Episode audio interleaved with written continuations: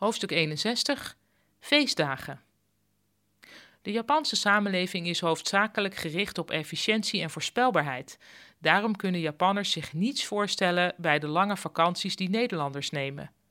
Een Japanse kantoormedewerker krijgt 15 vakantiedagen per jaar, maar het is eigenlijk not done om die allemaal op te nemen. Gemiddeld gebruikt een Japanner maar 7 vakantiedagen per jaar, de rest blijft ongebruikt liggen in het magazijn voor ongebruikte vakantiedagen.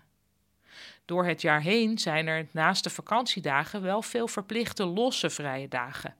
Denk aan Bomendag, Bergendag, Kinderdag, Respect voor de Ouderendag. Het zijn allemaal officiële feestdagen. Elke maand is er wel een dag waarop niemand werkt.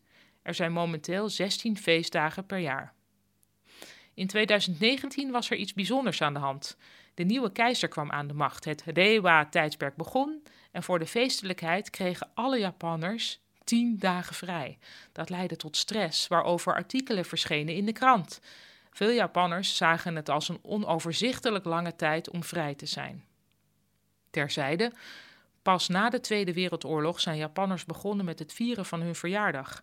Daarvoor gold 1 januari als de dag dat iedereen een jaar ouder werd, een soort gezamenlijke verjaardag dus. Nog steeds krijgen kinderen geld en cadeautjes op nieuwjaarsdag. En nog een terzijde, als je op vakantie bent geweest, moet je voor je collega's cadeautjes meenemen. Daarom liggen Japanse stations en luchthavens vol met omiyage, cadeautjes die typisch zijn voor de streek waar je bent geweest.